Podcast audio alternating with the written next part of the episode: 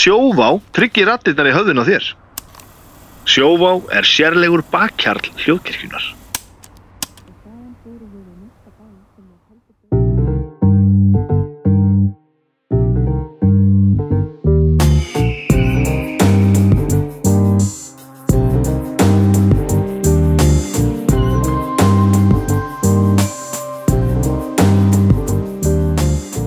Komið í sæl og verið velkomin í bestu plötuna.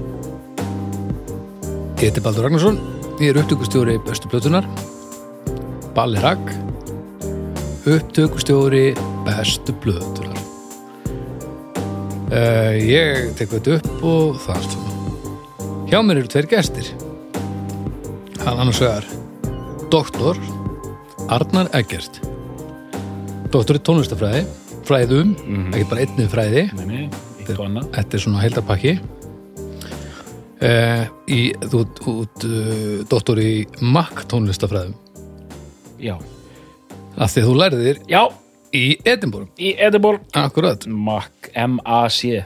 Já.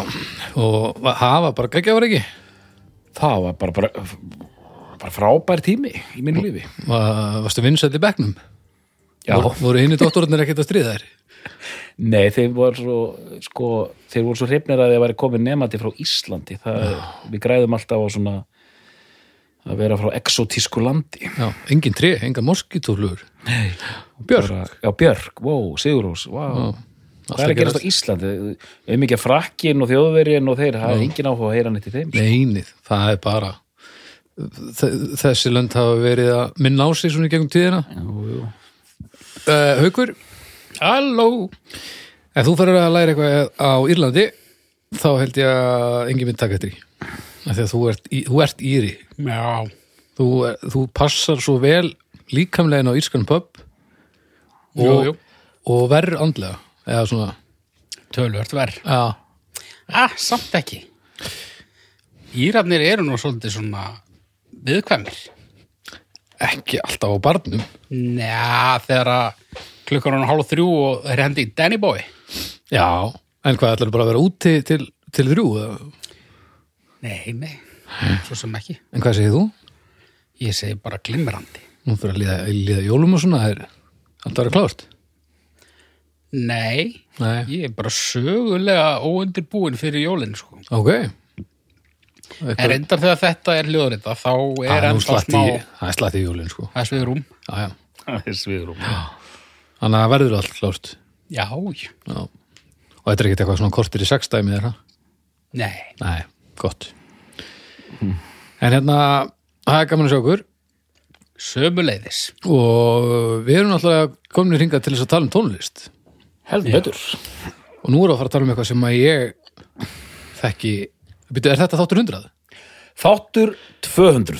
Nei, þá hitt þarna, 200 Hei! Wey! Þú ætlar þetta góður flugveldur í þér. Já, þessi fyrstu var mjög Þetta var alveg galið sko. Ok, uh, það er ekki ekki það er ekki Þáttur númer 200 og, og, og margir hafa beðið eftirvæntingu eftir að sjá hver, hver við hérna þátturinn er í því. Og þá er ákveð að hlaða í, hvað heitir þetta, Mannheim Steamrollers. Já, hvaða djöfla sér það? Hvaða djöfla sér er það. Gleðileg jól Já, við, við veltum þessu fyrir okkur fram og tilbaka og vissum að það væri ákveðin hópur á núti sem að svona gerði ráð fyrir því að 200. þátturinn yrði eitthvað svona rosa dæmi sko. Já, Þannig að eiginlega sama hvað við hefðum valið. Það hefði, það hefði ekki staðun. en samt Þetta er ró Þetta er, ég, ég er að segja það baldur, að hérna, Ertu að segja að segja ægilegur markaður og fólk hafi verið nötrand á beinunum að býða það var sko, Elvis var fyrst settur í númer 200, sem bara, síðan kom, kom hugmyndum að hafa Swift, og svona, já, já, já, síðan kemur þetta, Svo áttu ykkur á þessari sleggju sem við erum búin að sitja á og þetta, en, en það er falleg rót að þessu, sko. Það var eitt í viðbútt sem góti greina, má ég upplýsa það? Er, er það eitthvað sem mun gerast þá? Nei. Ok Var Boney M. Ég, Það er ótrúlegt eða við ekki farið þá leiðina Besta plata Boney Ég M. grjótharður jólaplötu jólaplata búin í emma sko. Ok, þáttu ég, 300... mun, ég mun sko Ég- ég- Nei, við skulum ekki gera þáttinn að því ég geti dreppið ykkur. ég er alveg, ég er alveg eldheitur sko. ok, þegar fólk fer eitthvað að drulli yfir útsetningur og eitthvað þá, þá langar mig að myrða já við bara, það er ekki víst að við færum að drulluðu réttinni neitt sko Nei, en þið myndið ekki gera en, hvað sér doktor? Ég, nei, já, ég bara, sem sagt, ég myndi klippa allan þáttinn þannig að þið myndi bara mæra allt og... þetta rótin að þessari hugmynd liggur í eldgömlum svona internetbrandara milli mín og haugs frá því löngu fyrir bestu blötuna sko. já, þú veist, ég þekkt hann bara sem einhverju svona fíguru jú, einhverju hlumsveit og Gaurinn klukkan þrjú á Írskapöfnum já, já, einmitt, einmitt, bassalegarinn í hérna, Dáðarengjum dáðadrengjum og eitthvað svona og, og, og það, þú veist og, síðan verið eitthvað svona fjasbókar grín og við vorum eitthvað að atast í hver öðru með Mannheim Steamroller hérna og síðan sá ég svona eldgamlar umræður á bestu plötu hópnum og það er eitthvað að vera að tala um ég man ekki hvað að vera að tala um þá kemur haugur með svona komment fyrir það fyrir þremur, neður fjórum ára síðan, nei já, eitthvað svo leið sko. einhverjum árum síðan, þá segir hvernig væri nú að taka fyrir bestu plötu Mannheim Steamroller Segir þú haukur? já, Ég skil og hérna og eitthvað svona, og þetta Vægt þetta lökku?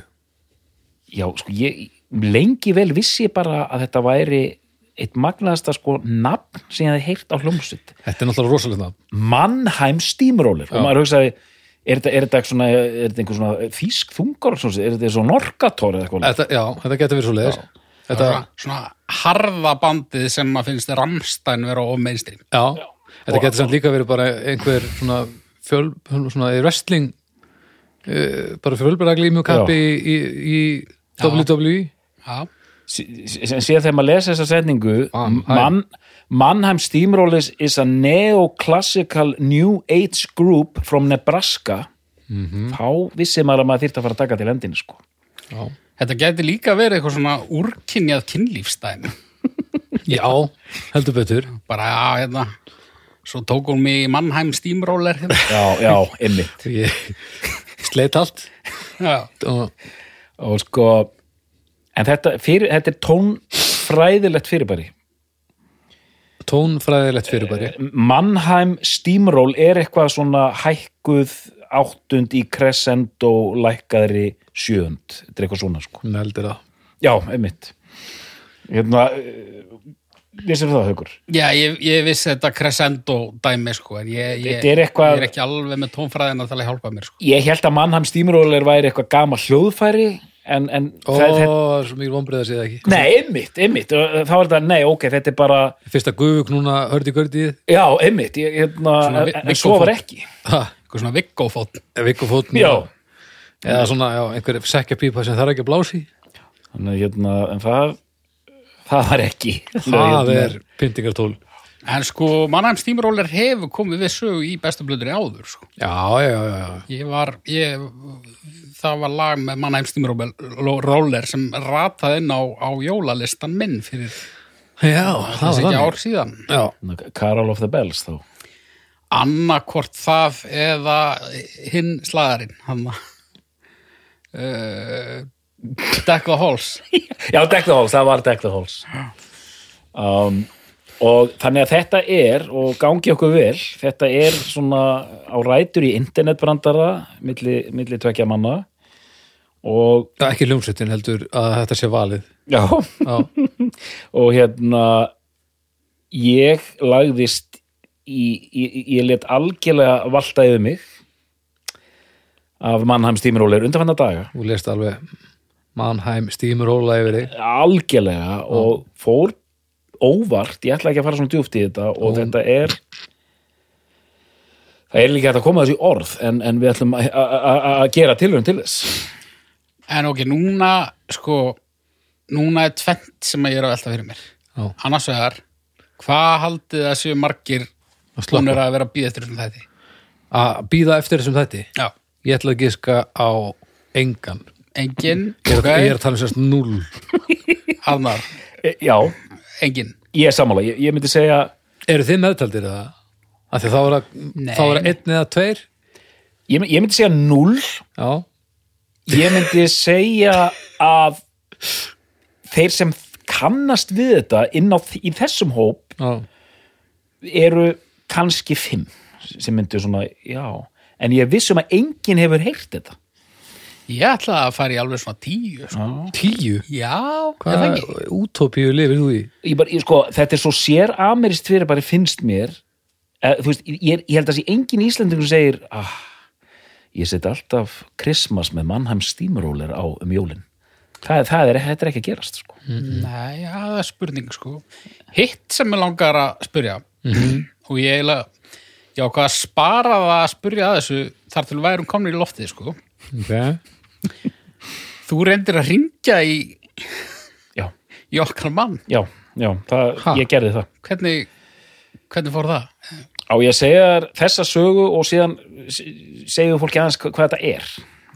Þú getur sagt þess að sögu bara hvena sem finnst þú að henda best sko. Eh, sko, nei, ég ætla bara að segja núna hérna, hver er maðurinn? kannski við þurfum hver, hann, smá samingi maðurinn heitir Chip Davis. Chip Davis? Já. Chip Davis er mannheim stímurólur einn Já, í rauninni, hann svona rekur þetta, þetta er bara eins og jólagesti Björgvins eða eitthvað líka, sko. Þetta er svona hans fyrirbæri, hans brand, hans svona Vision. mission og hans fyrirtæki og allar plötur Mannheim Steamroller koma út á merki sem heitir American Gramophone sem var svona twist á Deutsche Gramophone okay.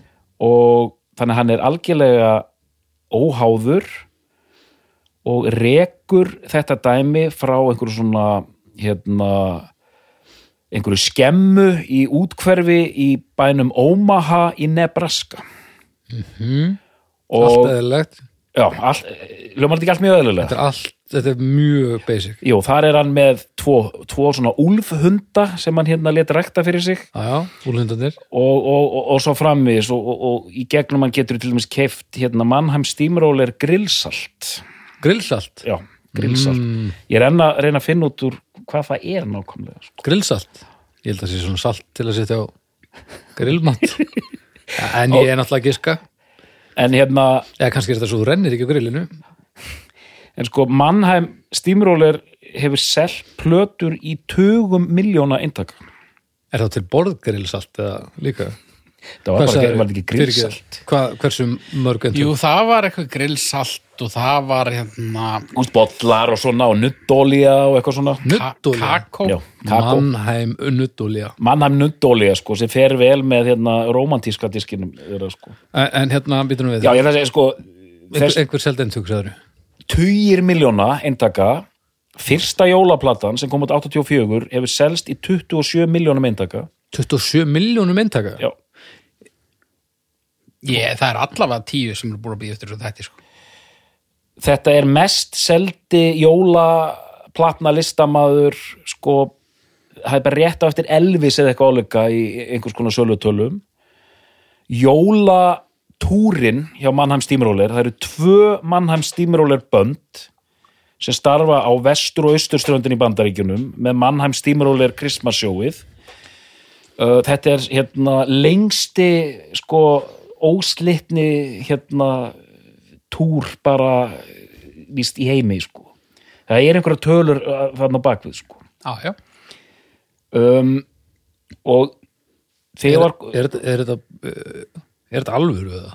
ég, ég er farin að halda þetta þessi draumur af því að sko Ég er bara að pæla hvort að þið hefur bara ákveða að hendi Wikipedia síðu og fokki mér svona fyrst að það er þáttu 200 það, það, er, svo, það, er, svo, það, það er eitt sem er skrítið sem, sem verður að koma fram hérna áður við förum aðeins í músíkina hérna, þetta eru tölunar, þetta er yðnaðurinn þetta er hérna kerslan uh, enga síður er, það er einhver svona ótrúlega krútlegur svona heimabruksblær á þessu öllu. Þannig að ég fer inn á heimasíðuna hjá Mannheim Steamroller og það er bara kontakt þá bara, það er bara hnitin á þessari, ég var komin inn á Google Maps að skoða þennan hérna, Hund? hund, einmitt hundin hans og, og hva, skemmuna, þetta er svona rísa skemma hérna, Ok.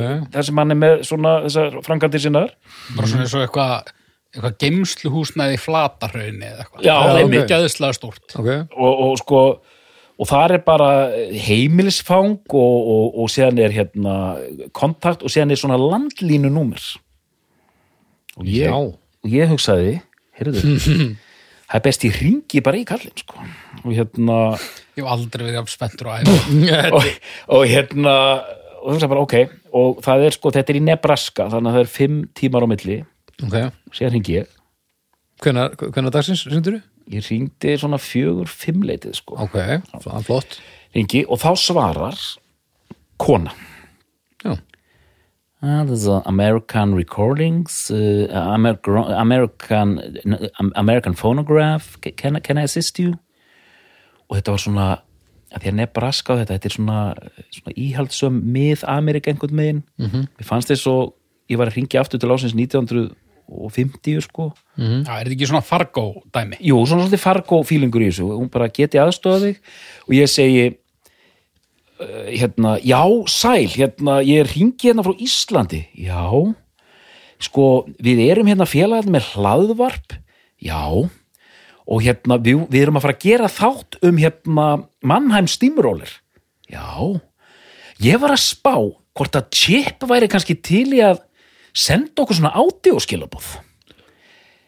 Já, heyrðu, það er ákveðin manneska sem sér emmitt um þessi mál, svona presskontakt og síðan fóru næstu tíu mínútur í það, hún var reyna að stafa netfangið ofan í mig, sko. ok Og hérna, ég næ, næ að hripa það svona niður og það skramlaðist einhvern megin, sko, og hérna, meira gerði ég nú ekki.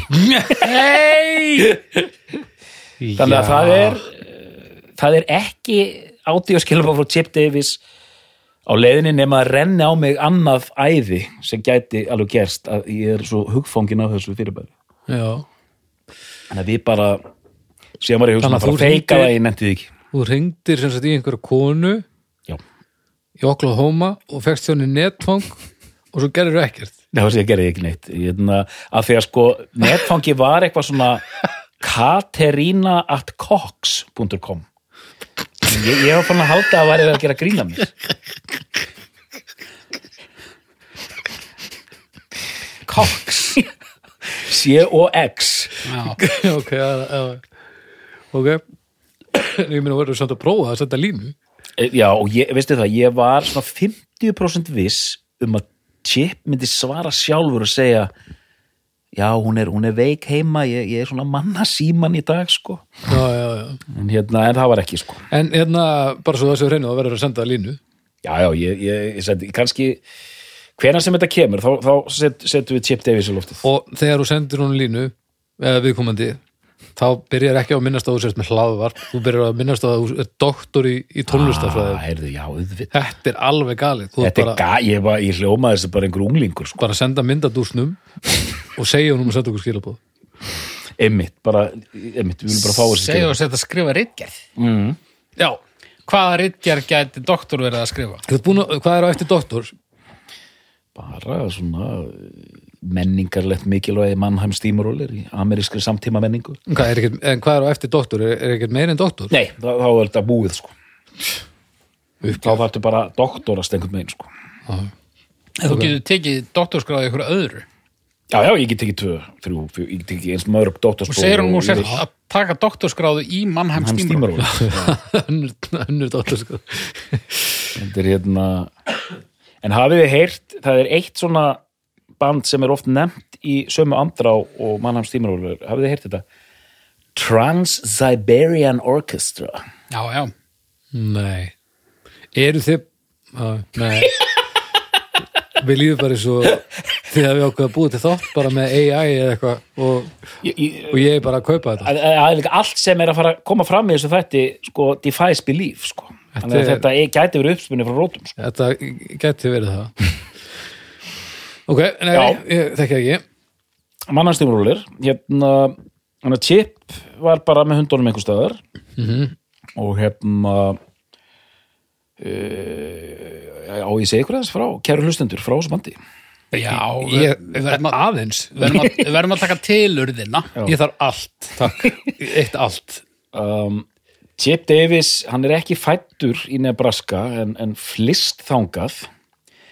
Og þetta er svona þetta er klassist mentaður uh, ásláttar hérna, er hann er slagversleikar og er þá með þennan eh, klassíska bakgrunn. Er mættur þarna séðan til Omaha er að vinna eitthvað við uppsetninguna og her já, er að semja auglýsingastef og er svona í hin og þessu. Og Hvenær er þetta? Þetta er svona 72, 3, 4 já, það er nú alveg svona 70s Hann er Svona fæ- 70s, já. fæddur 47 það ekki? Jú. Það er heldur betur 70s keimur af þessu. Og þetta er svona algjör sko, ljósmyndir af honum, hann er svona algjör og þá meina það eins og uh, algjör nörd. Já, og stránghegalu lúði. Stráng heiðalegur lúði í, frá í, Ameríku. í fallegustu gefið mér fallegustu merkingu þess orð já, hann er svona, þú veist, þessum hérna, hérna víðu gallabuxum og hvítu stregaskónum eins og allir, allir Amerikanar eru í Já, já, já, já. svona bara amerískur kall og hérna en þarna er, og þetta er líklega eina tímabilið áður en þetta verður að svona einhvers konar maurasýru, þá er hann þannig að búa til músík vill fara að gera sér hann eigin músík undir þessu Mannheim Steamroller nafni og aðföngin eru frá svona elektróniskri tónlist sem var að koma fram svona í endan á sjönda áratögnum Mm. uh, Vendi Carlos var svona hljóð uppfinninga kona áður kall áður en, áður en, áður en hún breytt um kyn. Ok, og þannig að þú veist það eru að þetta er svo grillað eh, hérna setna að, að rætunar eru einhvern veginn svona meira alvöru og bara meira svona proper sko. Og hérna þannig að fyrstu mannheim steamroller plötunar eru einhvers konar, þetta er blanda af einhvers konar neoklassískri tónlist mm. spilu með synþum progg Mm og svona það sem kallað er og það er mjög mikilvæg þáttur í þessu svona nýaldar músík, new age Mm. sem er svona ambient svona það sem stundum er kallað svona nuttstofu músík sko þar að hann hrærir þessu þrennu saman það er þetta klassiska, það er progg feelingurinn, kamel og allt þetta dót. Já, þetta er bara svona klassist uh, prognutt já, eitthvað, eitthvað svo leiðis Nuttprog Nuttprog er ekki fallegt. já, þetta er nuttprogg og, og fyrsta platan sem kemur út undir þessu nafni kemur út 1975 og heitir Fresh Air. A-E-R-E Fresh Air. Og inniheldur svona músík svona bara instrumental svona, svona setni tíma progg eitthvað líka yfir í svona barokk Já. svona hvað svona flautu svona fagurt engi dæmi sko. Sko, ég hef heyrt tvö að þrjú lög og ég er svona að reyna að fanga stemmaran Er þetta jafn perralegt og mér finnst þetta að vera? já, Er það meina- ekki? Jú, Þetta er eitthvað svona eiginlega sko Já, en alltaf þeir út komið með eitthvað svona bara eitthvað proggin í skemmu Já, þetta er sko já, uh, það fyrsta sem að uh, hann gerir sem að uh, vekur eitthvað aðtigli er hann held ég aðeins fyrir þetta eða ekki?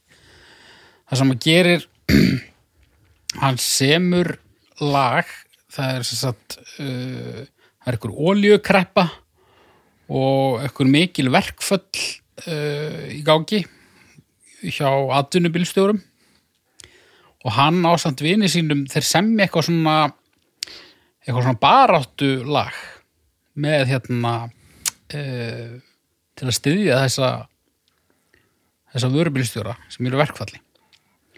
Og þetta lag heitir Convoy og það er gefið út undir nafni uppskálduðu nafni sem að man ekki eitthvað McCall. W eitthvað McCall okay. og þetta lag er eiginlega algjör klassík sko. Og ég þekki þetta lag úr Simpsons. Já, hvað er það? uh, þetta, þetta byrjar á svona, svona country svona Johnny Cash. Og svo kemur svona ótrúlega umt svona hippa eitthvað. We got a great big convoy. La la la la la We got a big convoy. Convoy og þetta er lag sem að Homer Simpson uh, syngur í eitthvað svona einhvern svona lélegan mikrofón uh, Vá. á meðan að hundurinn spangólar og svo endar þessi mikrofón ofan í brunni og Bart fer á að reyna að sækja hann og dettur hann í brunnin. Já, Já, sáþáttur. munið eftir þeim þetta Já, já. þetta er gamalt efni. Radio Bart já Sting kemur og bjargar honum. já, og, þa- þar syng Þvílík tenging. Þetta er þriðja tengingin í Simpsons Aha. með hérna Mannheim Steamroller. Og uh, þú ert bara að meika að þú kemst inn í Simpsons. Sko. Það er þetta, Convoy. já, Síðan hérna var einhver þáttur þar sem var jarðaför eða eitthvað eh, óþekktasta manns hérna eh, Springfield Chip Davis heitir það sko mm. en það er svona mjög ó, óráðin sko tengingin við Mannheim Steamroller en hann heitir Chip Davis alveg eins og þessi. Kannski er þetta einhver vísun í að óþekktur en gerði ímislegt sko því þetta er eitthvað svo falið þetta Mannheim Steamroller dæmi sko. Mm. þriðja tengingin er í, það var í Simpsons Comic.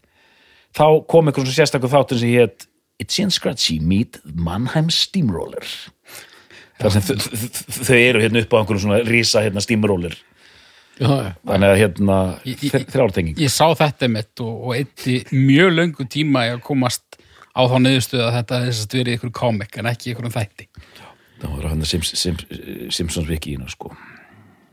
En já, og þetta lag, þú veist, ég, ég kynnti mér nú ekki hversu stórt það var, sko, en, en hérna, uh, en þetta er eina svona á undan síðan þessu projekti, sko. þannig að hérna og síðan bara svona fer þetta af stað og hérna eitt sem við skulum reyna að muna þegar við förum á eftir í, í þetta stóra samhengi að hérna þetta er svo fyndið að þetta, hvernig getur verið svona stór og hvernig getur verið selt plötur í miljónum myndaka og ég veit engin hvað þetta er þetta er svona sem við á Enja kemur til bandaríkjan og selur plötur í 20 miljónum myndaka Mhm. og þú veist, ég með smá kenningu og hjálpiði mér að hérna Ég er ennþá bara að reymbast við að kaupa þetta sér til sko.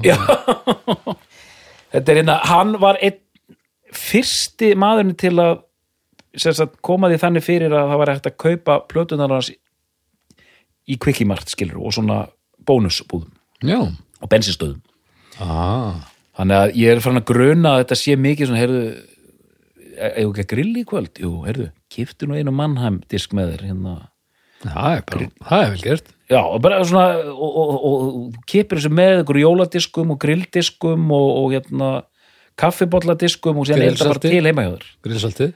Já, grillsaltið og svona, ég held að sé miklu naskari businessmaður hérna að gera þetta, þetta setna á ferlinum, hann hefur líka gefið plötur undir nafninu Chip Davis og þá voru nokkra plötur sem hétt eitthvað Chip Davis Day Parts hmm. þá var eitt diskur sem hétt eh, eitthvað Sunday Morning mynda kaffibotla framan á og þá varu svona stemningsambient lög einhvern megin sko, yfir kaffibotlanum þeirna Hmm. síðan kom hérna eitthvað Chip Davis presents Cookin' Grill Music eitthvað svona mynd af hérna grilli og hann með sér smegði inn svona hann hann smeigði inn svona mynd af einhver svona Mannheim Steamroller hérna, hérna Kryddi. kryddi hérna inn á umslæði sko. Ég, þarna. Og sér, diskur er, þetta er bara mynda grilli og það stendur eitthvað svona Cooking Music from Chip Davis. Þetta þetta kaupir í grilli og tekur einn Chip Davis disk líka. Já, sem sér í myndalíkinu og síðan lögin á þessu eru bara fánáleg. Heiti eitthvað Road Dog og eitthvað svona, þetta er bara algjört bull sko. Tónlistu hvert tilefni. Já, þetta er þetta er þetta var góð business ummynd Já, þannig að hann svona Tónlist fyrir tannburstuðun Já, einmitt, þetta er svona mjög furðulegt dæmi, sko, þetta var ekki Anywho, hérna þessi sería þarna, Fresh Air sem verður sería, það kom út plötur fjórar plötur 75, 77, 79 og svo framvegis. Og þær eru svona kallast á við hérna, hvað heitir þetta, hérna Árstíð. árstíðnar og músíkin er einmitt þú veist ég, ég, ég gat alveg hlusta á þetta en það, þetta er þetta er eitthvað svo klöngi Já, þetta er klaufalegt allt, sko. já. Það er alltaf smá tilfinning eins og að sé einhver svona vesalingsmaður í, í, hérna innilokaður í hérna einhverjum hérna Æ, hvað, ég, ég gleyma þetta er ekki skáli, hvað kallaði þetta hérna, sem þarna flatarhönns bygginguna skemma. Skemma, maður heldur á tilfinningun að það sé einhver svona veselingsmaður lokaðurinn í skemmu og sé að reyna að læra á tækin sem hann Já, fekk sko. svona að reyna hann er, hann er að hann er að progga upp fyrir sig já, já, einmitt. Mér er mitt leið því að hlusta á þetta. Já. sko, eins og hann, er, hann langar til að vera ægilegur progghundur. Já, og svo er hann inn í skemmu bara. Veist, mér, mér líður svolítið eins og hvað ég segja? Mér líður eins og uh, ég hugsa að ef veist, Geirmundur hefði lært sveifluna af YouTube, ef YouTube hefði verið komið þá hefði það gett orðið þetta. Af því að hann hefði svona bara orðið rosa spenntu fyrir því að og urlast og enda bara í einhverju progsveiflu sem blessunlega gerist ekki að því að sveiflan, hún, hann má ekki fókið henni sko. nei, nei, Þetta er svona eh, YouTubes Geirmundur já, einmitt og svona, er það tilfengin svona hei, ég ætla að vera eins cool og Emerson Lake Palmer og Já. Yes og Genesis Já, og bara one man band hérna með syntha en þetta virkar ekki alveg. Já, pínu líka svona alveg gröytlind svont svona sveitavargs Jeff Lynn já, já, já. Þetta er, hann, hann meiri segja er ekkit ósipárum í útliti sko. nú, ok er það ekki? já svona Nebraska útgáfan af Jeff Lynn já, mjög gott með skemmtaran hérna inn í skemmunni þetta er, já, það er eitthvað í svona en, en samt er þetta ekki sko hamfarir Nei, Nei, þetta, þetta er ekki. svona, þetta er svona þetta dansar mjög oft ansir hressel á línunni sko. já, nú þekki ég þetta ekki alltaf, það sem ég hlusta á var bara til dæmis, þú veist, það er alveg það er alveg músík og skilningur og því og já, hugsun ég- lögðu í þetta. ég var að senda þér rjóman sko. já, já, já, ok. Get, við getum nota orðið hallarislegt já, já, já, en það er ekki spurning um hvort að eitthvað sé hamfarið eða ekki. Nei, nei, þú veist Nei, röss, einmitt, það er ekki það. röss voru hallarislegir sko. já, þetta er, þetta er svona þetta er einhvern veginn á aldrei breykið að vera cool en hann er að spila inn í á þessum plötum og það var stemning late 70s var þetta líka í gangi. Svona e, progg með svona klassísku hérna vísunum sko. Þetta, er, þetta er svona gáfumanna prog-pop eitthvað. Já, en, en það vantar allt svona einhver svona einhverja natt í þetta. Þetta er eh, þetta er svo stórkallalegt einhvern veginn. Já, og, og sko þegar þú segir gáfumanna þetta er ekki, þú veist, þetta er þetta er köld held ég fyrir einhverjum sko. En svo fyrir öðrum er þetta bara mesti bólur sem er til sko. Já, já. og þú veist, það er ekki virtuoso neitt þarna. En Nei, ég, hann að vísum á eiga það. Hann er, hann er helviti svona lungin trommuleikari. Okay. ég, ég er ekki búin að hlusta á það allt. Ég var að tala um hugsun ekki alveg já, niðurstöðu skilur eh, en þú veist það, það er engin í heiminum held ég sem snobbar fyrir þessu sko. ok, það er bara ekki hægt nei, ok Nei, og ég, na, ég var að hlusta á hlaðvarp í gær þar sem einhver gaur var að taka viðtal við hann Ok. fara, fara bara gegnum þetta Mm. og tip bara svona já, já, ég var að prófa þetta og þetta og þá koma með svona svar og hinn sagði svona ensku hérna nei, hann hann sagði þess að hvernig það var, fannst þér þú varst að gera þessar tilraunir að blanda saman þessum hérna stefnum, var eitthvað sem þið fannst ekki gangu upp? Og svarið var bara það gengur allt upp hjá mér, lítu bara á sölutölunar. Þannig. og ég maður, þetta er þetta rétt. En það má samt alveg segja að fagurfræðilega gangi þetta ekki upp af því að þetta er ekki mér finnst þetta ekki skemmtileg músík en hérna en, en ég er ég ætla að reyna að reyna Þetta er svo skrítin þáttur nummer 200 að hérna ég, ég er að vona að ég nálgist einhvern skilning í þessu þætti á hvað, hvaða fyrirbæri þetta er sko. og af hverju sérstaklega að fólk er að, er að kaupa þetta sko. Já, Og svona, er þetta með pilsupakkanum? Það getur ekki bara verið það. Þetta eru, Nei. þetta eru helviti margir pilsupakkar. Eh, sko, þetta er, þetta er svona tónlist sem að, þú veist ef þú er eitthvað tíma unn- unnið í Walmart fyrir jólin, þá þekkjur þetta sko.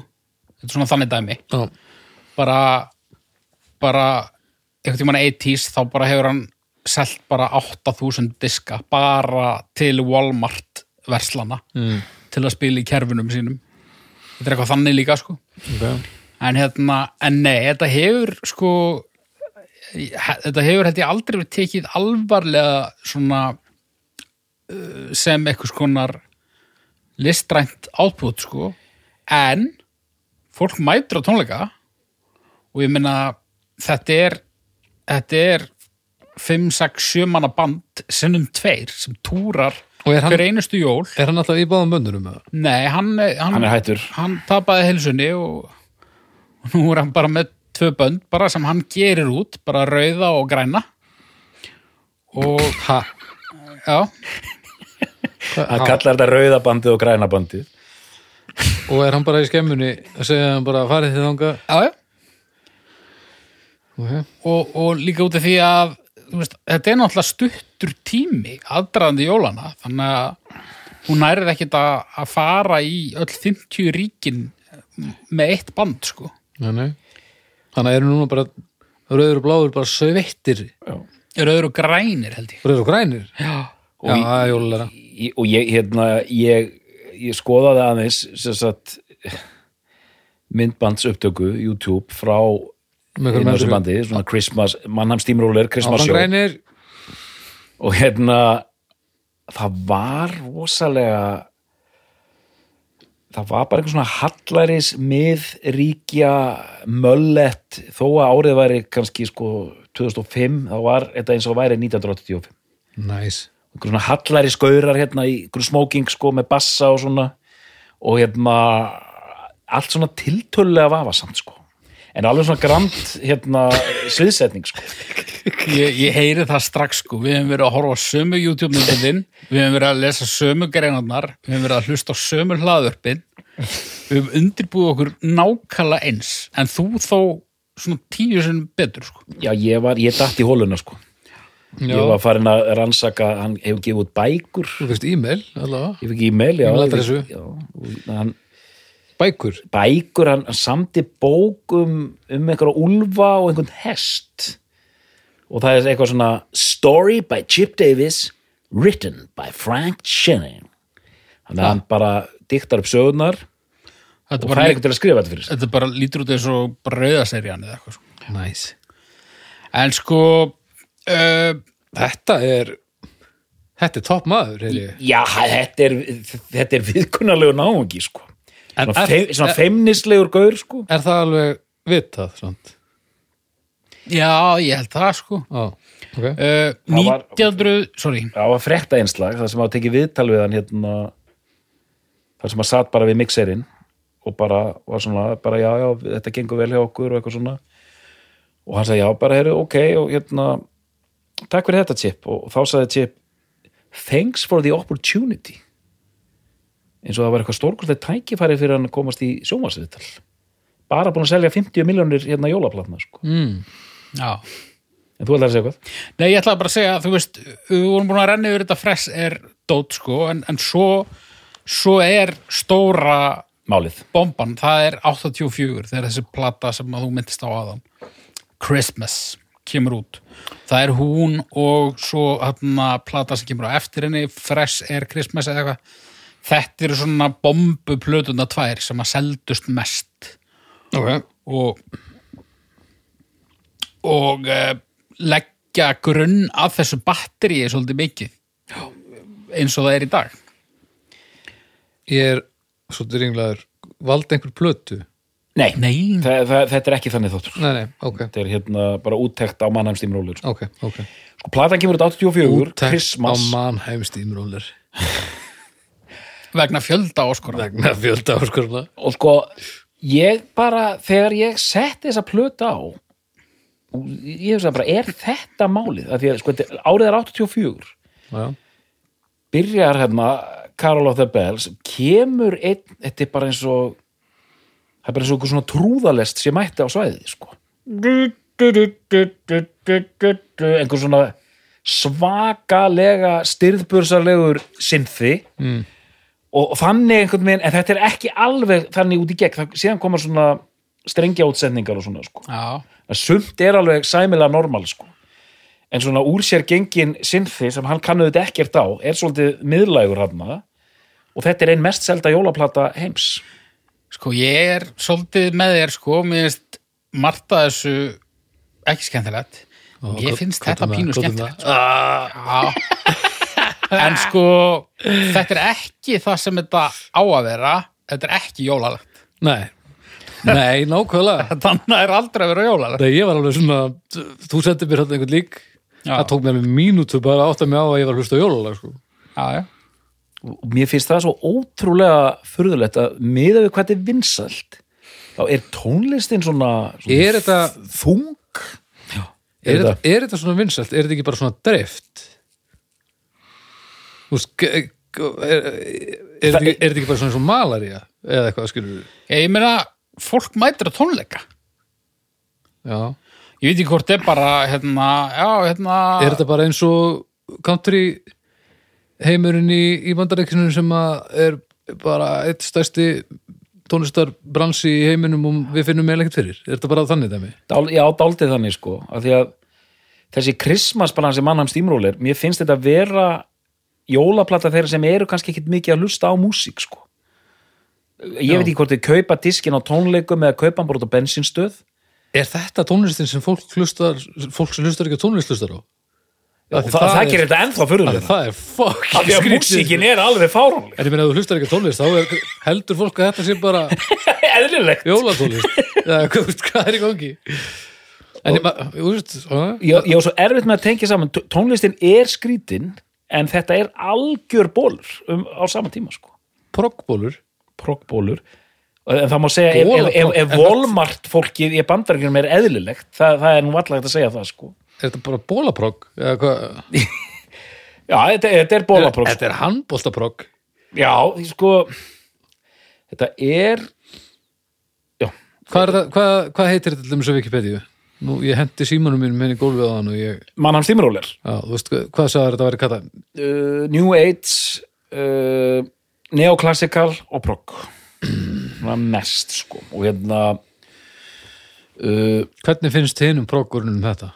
þetta er ekki einmitt, þetta, þetta þykir ekki fýtt pappir, orðað þannig sko. Ekki, þetta er ekki það, það, engin, það tekur þetta engin alvarlega sko. Nema kannski þessar top of the progs, ekkert? Já sko fyrstu það er plötur sem ná því að vera svona sæmilega í lægi og virtar eru þessar fyrstu fresh air plötur af því að sko þetta fer í miklu meira rugg mjög fljótlega eftir þessar fyrstu jólaplötur sko Virtar, þegar við segjum virtar Af hverju eru það virtar? eða virta, það er bara svona tekið við þeim segja já já þetta er bara Þetta er partur af progginu þetta er bara partur af þessu og bara ekkert meir um það að segja sko.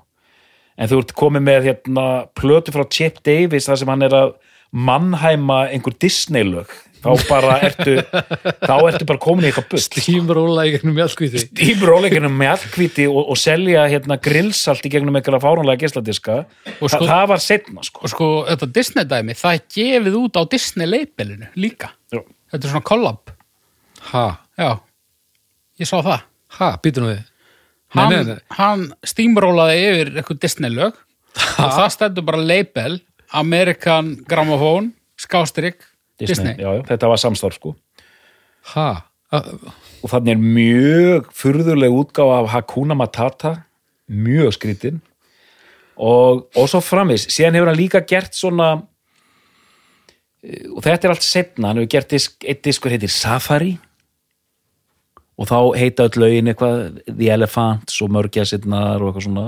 Þar Penguins, eh, Penguin Walk eða Safa- Penguin March Safari. Safari þar síðan er ein plata sem heitir Exotic Places. Og þá er svona mynd af píramítum og, og steipireiðum og eitthvað svona. Ég er að fíla þetta. Ég er ánað með þetta alltaf já, já, Þetta er glórulegst og glæsilegt. Já, já, hérna Exotic Places. Og síðan er eitthvað þú veist, ein platan heitir bara eitthvað svona Music of the Spheres og þá er bara eitthvað Jupiter og The Moon Landing og eitthvað svona sko. Þetta er allt gott þetta er allt mjög gott Já. þetta er svona alveg, þetta er výrað sko. En Mér finnst hann, þú veist, ok, ef við erum með hamfara uh, skuldpunktin hérna Mhm. og við erum með Sjúbi Taylor hérna já, þá finnst mér hann bara að vera akkurat hinum megin við þú veist, hann, hann er að progga hann er ekki alveg hamfara en hann er samt Þú veist, það er svona, svona hvað ég segja svona eftirteist, það er hamfara svona eftirbræð Já, framsetningin er já, og bara já, þetta, þetta, þetta er undarlegu pakki. Já, Já, þetta er svona, já. Ég er svolítið hrifur að þessari classical gas plötu, hlustu ára hana? Aðeins, það, er hann að vinna með einhverjum gítarleikara. Mason Williams Já. maður sem að gerði lag 60 eitthvað held ég sem hétt Classical Gas Ég vil vona að ég sé bara búin að vera að ljúga öllu frá því að þessi þáttur byrjaði. Þú var bara sami, þú varst að segja fyrir þáttinu að það væri nýbúin að kaupa eitthvað lítið hljómborð. Þú var bara að gluða þess inn, hendi sinna á spátir, þú varst bara að hlusta þessi þrjú lög hérna og veistu sirka hvað þetta er. Já, nei, það er ekki svolítið Og þið verður alltaf bestu fokkin leikarir í heimið það, það er Simpsons tenging líka Classical Gas en, en hann gerir plötu þarna með þessum nága sem að þeir uh, taka meðal annars cover af hans eigin lagi þarna og, einhver fleiri. Þetta er svona 86-7 sem þessi plata gjör út.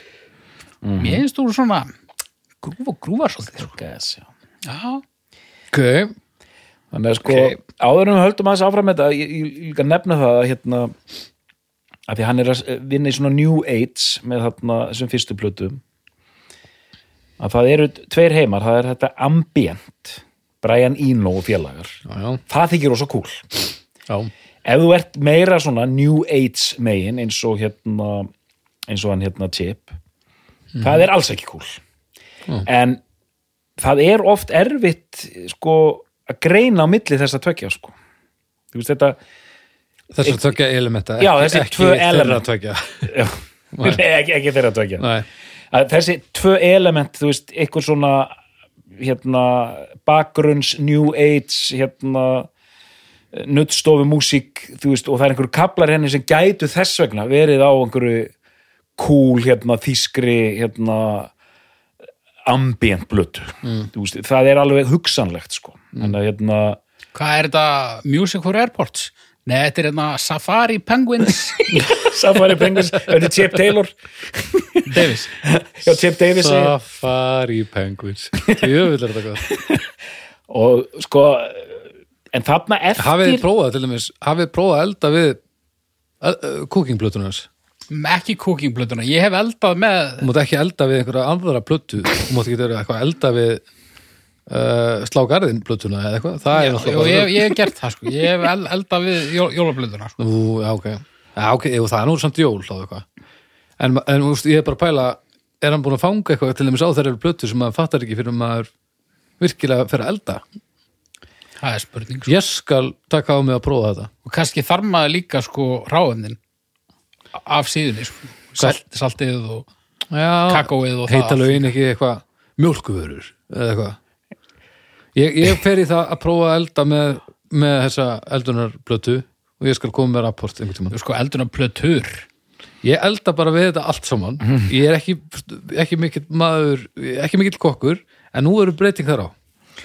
Já, sko, já, já ég, þetta er progg aðeins þetta er að gerast grillplötunar, þetta er að gerast svona í 90s ok, og þetta er svona ég verð að segja það að þetta er svona lágpunturinn á ferli Chip Davis að því að sko þetta er ekki, þetta er ekki hægt sko hérna ég var að hlusta á þessa plötu þetta er svo skrítið er eðlilegt hérna, ég var að hlusta á þessa kúkin, hot kúkin dæmi og hérna þetta er svona eins og ef, ef, ef þessi pínu furðulegi en samt hressi frændiðin er að reyna að gera smá rock mm. það er eitthvað þannig fílingur sko. Þetta, er, þetta er svona hans hressustu plötur en þær eru bara alveg banal sko. það er bara ekki að því maður getur skilið hitt eins og Safari að reyna að dyrka upp einhver Safari hljóð og, og, og reyna að leika tónlist sem á minna á einhverja apa og svona já. hljómar þetta ekki allt mjög eðlilega sko ég er núna bara ganni, ég er að renna yfir bara diskografíuna sko. þetta er svo ofbóðslegt magn sko, það hefur náttúrulega ekki kannski alveg komið nógu skýrt fram. Nei, hann er auðvitað búin að gefa út svona 15 jólaplötur og hérna, Ég, þa- nú þarf ég aðeins að fara að stúfana já, hérna það er Bald- hérna að já, það er hérna Christmas Extraordinaire. Já, og Classical Christmas og þetta Christmas og hitt Christmas. Stundum jólasögur. Sko, er ég að leita uh, bara Mannheim Steam Roller, roller. Já, á ég ekkert að vera hérna að skoða sólótótenstra það er hann undir líka sko. Það er Já, bara það er heima svona, kemur, kemur hérna Sko, já, það er nú svolítið síðan að síðast að koma út. Exotic Spaces. Það Það er geggjuð. Þarna er Þetta er geggja cover. Já, já, þetta Það er, er, er þetta ekki Taj Mahal? Uh, Fyrir framann Píramída sem er fyrir framann tunglið. Mhm. á, og sko þar fyrir aftan er einhver pláneta og það er sko geimurinn en fyrir framann þetta allt saman er Alda og tveir núfubakkar sínst mér. Sé, er, þetta er allavega einn stór núfubakkur og jú, þetta sé núfubakkur og núfubakskálfur, já. E, og þetta er meira að segja no- norður uh, kvíslin af þeim. Og þetta er stórkostlegt fokking plötukover, þetta er frá 2017 sko já. já, já, þetta er Jungle. nýjasta sko. lögin heita Jungle, Hanging Gardens of Babylon Playa Blanca Balena Pyramids, Panama Baby Andiam, þetta er bara yndislegt. Taj Mahal, já, já. Nicky, You're Such a Bitch. Ok glemum því. Uh, svo liveplata hérna. En byrjuð um það er alltaf græn ljós framan þannig að það er okkur græna bandið það Ég, ég, ég veit ekki hvort að þessu er skipt í bönd sko í stúdíónu. Ég held að það sé bara en ég meina, hún heitir, þetta er live upptaka sko, já, já, já, já, ok. Þetta er liveplata það veist hvort bandið var bara kastað upp á það? Það er spurning sko. Og ég veit ekki hvað þetta lita skema dæmi er búið að vera lengi sko. Mannheim Steamroller, já, ég meina auðvitað Christmas Companion þetta er besta plötukover sem ég hef séð þar sem að það er svona alveg prófílmynd af honum og reyndýri að horfa á já, nema reyndýri er ekki að horfa á hann af því að það er ekki með augun framan á höfðinu eins og hann heldur reyndýri bara að horfa eins og reyndýr horfa. Þetta er geggjað. Þetta er hérna Safari, Music of the Spears þetta, þetta er allt gott sko. Halloween Halloween plötur. Já, einmitt, Halloween, Halloween Já. Megamix Halloween Megamix. Heyrðu sko Halloween fyrsta platan, hún kemst nú bara hérna inn á í 53. sett á Billboard. Nei. Jú, ok, ok, ok, okay. ég líði ekki. Og sko já, já, hann er hérna í þriðja sæt á Billboard hérna með plötuna Christmas in the Air fjórföld platína.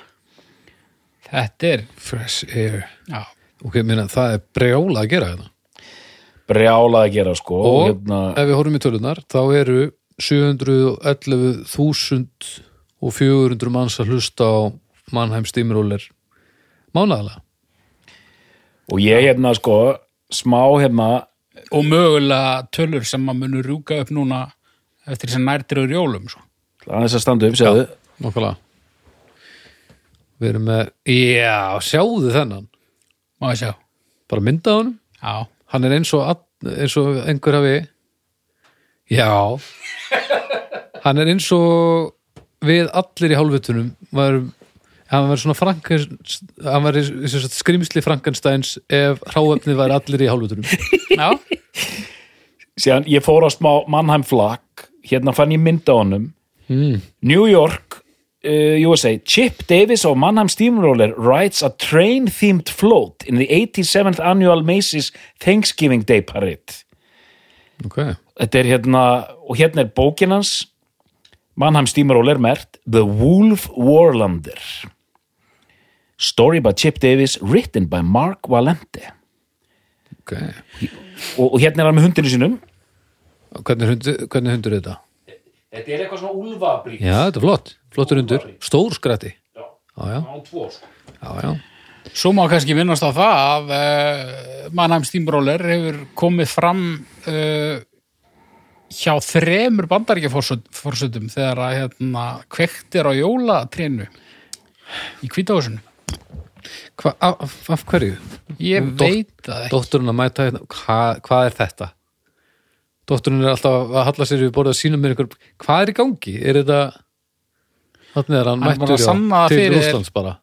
hann er bara að reyna að sanna það fyrir þér að við erum ekki að skálda neitt af þessu. Þetta er já, þessi mynd á honum í Rússlandi er stórkostlega hún er rosaleg.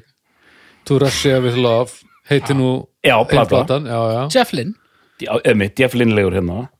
Og þetta, já, hérna. Eh, En það skellur, ég finn ekki hérna þessa, þessa, þessa cooking blötu já, hérna hérna. Já, bara á, á Spotify því miður. Og sé- sé- sér það ekki hérna umslæði sem sagt? Nei, ég, þú veist, nei, ég bara sé ekki plötuna og ekki undir hans nafni heldur. Nei, nei, veitu, þetta er illa takkað á, á Spotify, sko, að hérna, hún er einhvern megin en, en ef þú slærðin Chip Davis? Nei, ég er búin að, ég er löngu búin að því. Já, já, ég veit hvað það, hérna Day Parts. Það, það er líkillinn inn. Day Part já, Day Parts, dagpartar þá held ég eitthvað, eitthvað rökku, rökku, rökku í Day gangi þar. Parts, Sunday Morning Coffee. Er það Tip Davis Day Parts? Já. Dinner, hérna erum við. Party. Sonata Bach Lunch A Strictly Informal Affair Concerto F Major Dinner on the Green. Þetta er þetta er núna ítu við á Save.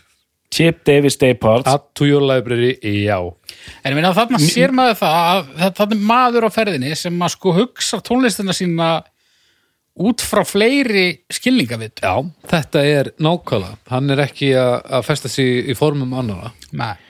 Music That Cooks. Já, Party 2 þetta er bara Sunday Morning Coffee 2 Það heitir, heitir þessi flata Ég seifa þetta. Því ég veit þetta gott Erum við að fara í stóra samingi? Herðu, Chip Davis Day Parts Romance vil verið vera hissa. Ó, þú vil vera flekuð. Þetta er rosalegt. Já, já. Sko, Passion og Habanera. Já, og sko og hann var einmitt hérna hann var pínu gaggrindur fyrir þetta að hérna þið sjá hvað hann er að gera, hann gerir þessar, þessar New Age plötur hann í byrjun. Mm. Sem dettur hann inn í þetta jóladæmi og þú veist, hann er alltaf sko, þetta er svona yðnaður, hann er alltaf naskur fyrir svona tækifærum, gera Disney plötu og eitthvað svona mm. síðan kemur þetta, þú veist, það er eitthvað romantík, Mannheim Steamroller og þarna drektu kaffið þitt og hérna svona tónlist eingöngu, hvað voru það að tala um svona Tækis, tækifæris. tækifærismúsík Fyrir mjög nýtt með tækifæri já, mjög nýtt með tækifæri þar sem hann er bara búa til einhverja bakgrunnstónlist Já. Allt með svona mannhamir brak. En núna undanfærin áratu höfum við fundist hann einbytta sér bara fyrst og síðast að þessari jólamúsík sko. Og hann hafi hlaðið í þetta Exotic Spaces. Já, þú veist, hvað, hvað, kom, hvað hefur verið að koma út eftir 2000 eftir 2000 eftir 2000, hva- hvaða titlar er að koma út? Af því að það er eins og hann sé bara að ríhassa þetta Nei, Christmas Air og eitthvað Það svona er alltaf þetta hrekkja við okkur dótt, sko. Já, Mannheim Stífnólir eftir 2000 þá erum við með rosa marga titla. Já, ok. Sko, 99, þá kemur 25 year celebration platan. Já. Þannig að það er farið í gegnum allt hitt. Já. Fresh Air 8 Já, Christmas Extraordinaire Aha. Romantic Melodies Halloween, American Spirit Halloween Monster Mix Christmas Celebration Romantic Themes. Sweet Tooth, Sweet Memories Halloween 2 Creatures Collection Fresh Air Music of Mannheim Christmas Songs Christmasville Uh, Safari, Christmas Symphony The Music Já. of the Spears Já. Snapshot, Mannheim Steamroller Mannheim Steamroller Christmas Symphony já, uh, einhver er tvær plötur viðbór Christmas Companion, Live og Exotic Spaces sem er síðasta platan sem er ferið inn sem er 2017 með stórkostlega plötukórun sem líst á hann Þetta er ekkit ósvipað því sem bróðirinn var að gera. Er hann mögulega Tip Davis Íslands? Með þessar spólur, hann var að taka fyrir mánuði er það ekki og svo dag. já, það var hérna lag á hverjum degi sko, gefnar úr 12 hérna kassettur sko Já. en, en sko eins og hérna romantíska platan hérna ekki, romantik Já, það var eitthvað eitthva romantist þarna Já, í gegnum Mannheim stímuróli síðuna þá getur fengið þá plötu ásamt svona spa pakka. Ha, svona, þú færir svona einhvern svona spa hérna, aðganga einhverju spai og, og nuttólíu hjá honum? Já, í gegnum Mannheim stímuróli sko. Að í skemmunni? Já, nei, ég held að spaði sé nú ekki í skemmunni sko. að því ef það er skemmuspa þá erum við að fara. Já, við verðum að fara. Við erum að fara í skemmuspa lóðbeint. Við- þáttu 200 við eigum að þið verum þessi ég, ég, ég, ég, ég held að þetta sé eins og, eins og þú segir, þetta er eitthvað svona þetta er eitthvað svona eins og blöstagatalið eða eitthvað. Eitthvað svona pakk Ja, þetta er eitthvað svona leið það hlýtur að vera bara það er eina leiðin áfram sko. Já, já, það er bara eitthvað geggjað. Já, já, þetta er glúrið hjá honum hann er, hann er ekki vitlaus, hann, hann Chip, vinnur okkar. Hérna, en það, sko, en það er bara bara það hann heiti Chip mér finnst það einhvern veginn ramma þetta allt mjög skemmtilegin, sko. Já, þannig að hérna hann geti ekki já, þannig að þetta er svona Þetta er bara geggjað. Þetta er bara geggjað, þetta er svo skrítið. Þetta er rosa skrítið. Þetta er rosa skrítið en einhver er að kaupa þetta. Það er að skrítnast á þessu þú veist, þetta er, Það er skrítið, já. Það er mjög skrítið. Hvernig, hvernig virkar það? Nú er ég fann að endurtaka mig, við þurfum að finna eitthvað svar við þessu haukur sko. ég held að svarið sé bara sko okkar upplifun af bandaríkjunum er náttúrulega að miklu leiti í gegnum afþreyingarefni og áhorfsefni sem er rosalega miðað við þú veist, östur og vestur strönd stóra borgir, eitthvað svona þetta er bara þetta er bara eitthvað svona heimsluti sem að bara, maður getur ekki ímyndað sér hvernig er veist, ég veit ekkert hvernig hérna Nebraska er. Fyrir mér hljómaða bara eins og eitthvað í Kanada já, já. þetta er bara þetta er bara eitthvað skonar kultúrisjokk ef ég væri frá Nebraska var þetta kannski bara mjög eðlilegt, Eðlilegt, já. jafnvel þó ég hef aldrei heyrt í þessu. Ég væri bara að heyri, í- heyra á þessi fyrsta skipti núna og kannski myndi þetta allt make a sense en og, og, og þetta er bara sko sinnþinn hljóma nákvæmlega eins og hann þannig í jakkafötunum Baldur. Já, þetta, það, þetta er mannham stímrólur, sándið sko. já þetta er alveg svona Þetta er svolítið svona eins og lækar. Þetta er svona eins og ef skemmtari og syndi myndi eignast afkvæmi sem væri þó ófrjótt. Já, svona, svona loka sándi þegar hann kemur þessu frá sér þá er þetta alveg sterilt hljómborð.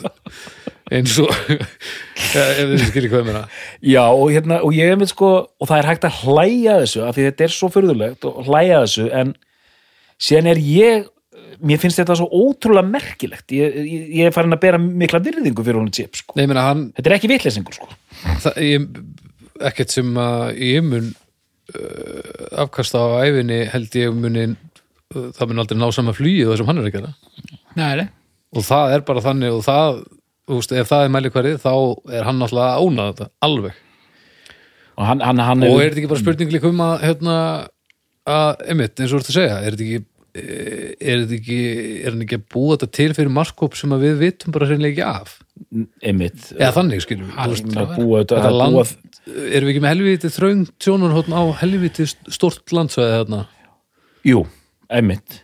Það eru 350 miljónir hérna í bandaríkjónum Mm. Og það eru glæð nóg fyrir hann að sjoppa einmitt þessa mannheimdiska sína bara hann í, í miða-Ameríku sko. Mm. ef, ef, hérna, þessast miða-Ameríku miðríki bandaríkjana ég er orðin ansi spenntur fyrir að tekka betur á þessu sko. Af því ég ég, úst, ég er ekki að fara í jólaplötunar ég er að fara beint í Exotic E- Spaces Exotic Spaces, og að elda sko já einmitt. Það er heldur góðast af því sko. Það er einmitt, þú getur hlusta á eldunadiskana og svona, Já. verið mjög kímileitur með að hlusta á þá, þetta er algjörlega grillað í gegn, heilgrillað. Music of the Spears. Já, það er alveg þægilegt að hlusta á það. Þú veist, þetta er svona alveg þægilegt eins og hann Exotic Spaces, það koma svona og þið viti hvernig þetta hljómar, bara svona ambient hljóð einhvern megin, sko. Mm. það er ekkert illa gert, sko. Það er ekki svona klönki eins og jólaplötunar, sko nei. þetta er meira svona ambient stemningsmúsík, sko. Hvað er að gerast hérna? Safari, já ég kom með nokkur lögn á lögum Já, hvað með það? fyrsta lagi er Rhinos and Elephant Aha, annar lagi er Dolphins and Whales, Come Home to the Sea. Ah, og þriða lagi er Wolfgang Amadeus Penguin. Hvað er í gangi? Og nummer fjögur er Florida Sweet, Barbecue. Þetta er mestara gott sko. Tigers and Lions og hann, hann hefur svona pínu barma sér yfir því eins og tónlistamenn gera hann, hann, sagðist, hann átti ekki alveg vona því hann er nánast eingöngu þekktu fyrir þess að jólatónlist sko. skellur já, þetta er svona miljósteinum hálsinn sko. já, já, hann er nú ekki beint að reyna að komast undan því samt sko. Nei, það, það er heldur ekki sko. allavega hann gæti mér, sí- mér sýnist, já, hann gæti hafa sleppt að gefa út svona svona 30 jólaplötur ef hann hefði ekki viljað hann að steinbíl En þetta er svona, maður skilur það þessa hugsun, sumir vilja, e, e, e, hann hugsa þetta dálítið eins og yðnaðamaður sko. ok, þetta virkar, við þurfum meira og ég hef séð svona kvartanir á Amazon sko, að það sé bara að vera að ríhassa sömu plötunar aftur og aftur í þessu Já, krismastæmi ok. sko. nei, bara að vera að blanda saman einhverju gömlu lögum og, bruðl. já, einhver, já. En síðan koma hann, ein platan er svona jólasaga þar sem hann og Olivia Newton-John er að lesa saman hérna jólasögu sko. eðlilega, myndi ég segja. Já, eðlilega, ég meina þetta passar allt. Allt í mannheim stímurulegur heiminum passar sko, þannig ég var þetta er jafnvægi. Já, ég, þetta er jafnvæg, í rauninni þegar ég sá þetta grillsalt þá bara svona, maður kinkaði bara rólega kolli við þetta ég, ég er mjög hrifin að þessu þegar þú sagðir heiminum að hugsa þetta eins og svona já, extended universe. Já, og þá kannski út af því að þú fannst ekki grillplöðunar þá kannski eru þær non-canon. Mm, þurfum að tjekka því. Það er rosalegt. Heyri, já, við u- uppgjör. Já, já, við, ekki?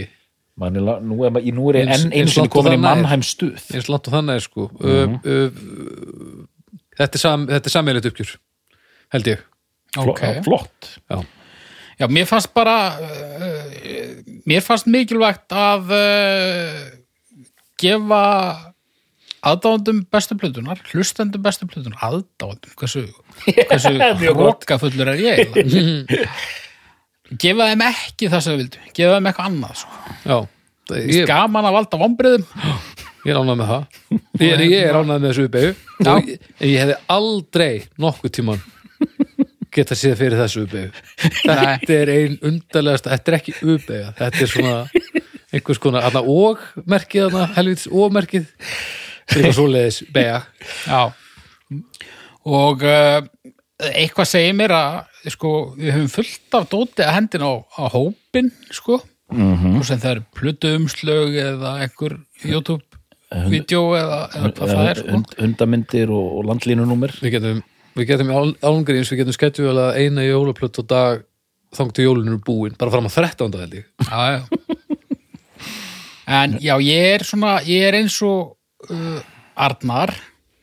Uh, mér finnst þetta þetta er, þetta er klaufalegt að megninu til sko, en þetta er hillandi já, veist, ég, ég, ég hlust ekki á þetta bara út því að mér finnst þetta eitthvað svo hlægilegt sko.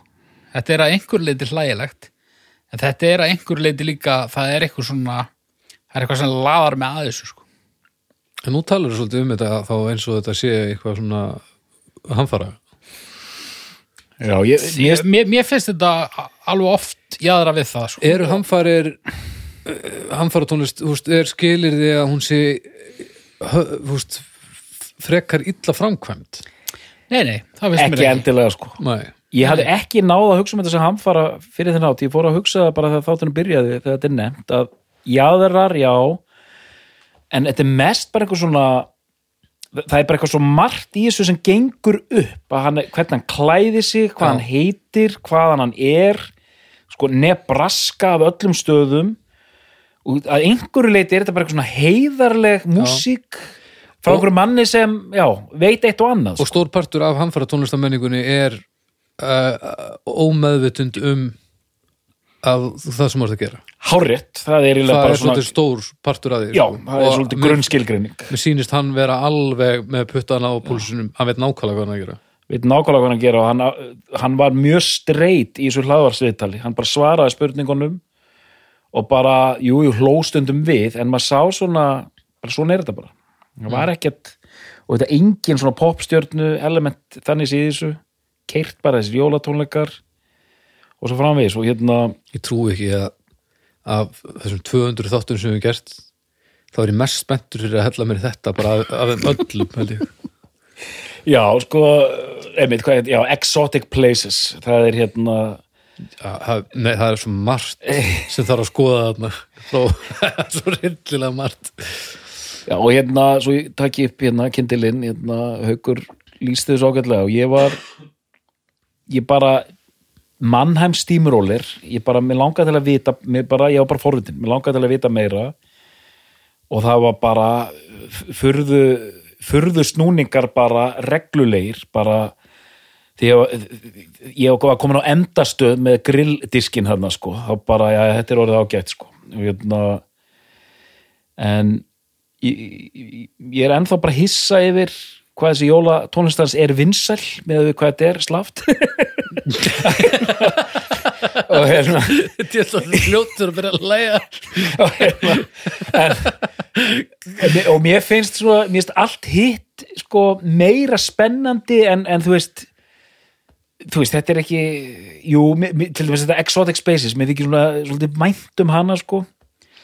En ég er enn að ströggla við að skilja þetta sko. Og, hérna, ég get ekki skilið uh, þetta sölumagn miða við hvað þetta er uh, í rauninni undarleg tónlist og hvernig getur undarleg tónlist verið venjuleg tónlist? Ég bara, ég, ég næ ekki utanum þessi, þessi hugtök hérna sko. Já, Nú er bara eitt sem ég langar að spyrja já, það áður en að við slótum þessu. Mm. Nú átt þú unglingstætur já, hvernig eru þær búnar að taka í, nú veit ég að þú lustar mikið heima bara í hátölurum ég er svona meira í headphonea hlustum Mhm. hvernig er fjölskyldan að taka í stímrólerin? heyrðu uh, núna bara hérna nú er svarið komið það tekur enginn eftir Mm. það er bara, fólk er ekki einu svona hérna já, það, það bara hún bara líður hann um og já, það, bara, það heyrist svona jólatónlistar hérna stef og bara fólk tekur ekki eftir ég, hef ég hef ekki blastað Exotic Spaces hérna í stofunni sko eða, eða grillplötinni, það hefði kannski orðið einhver viðbröðu grillplatan hefði farið á fullt.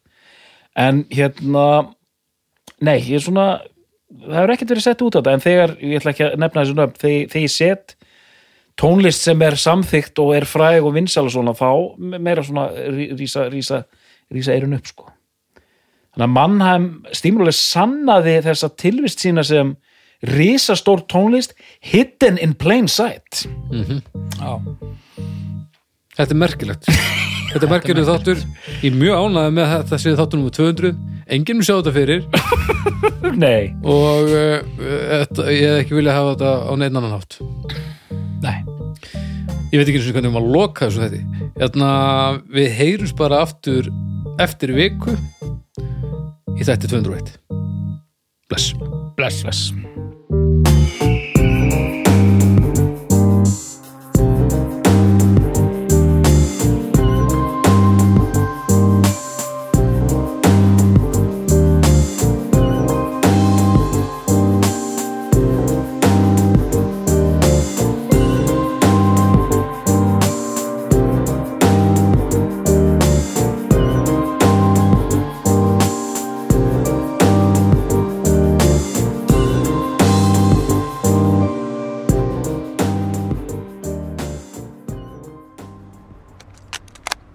Sjóvá tryggir rattirnar í höfðun á þér.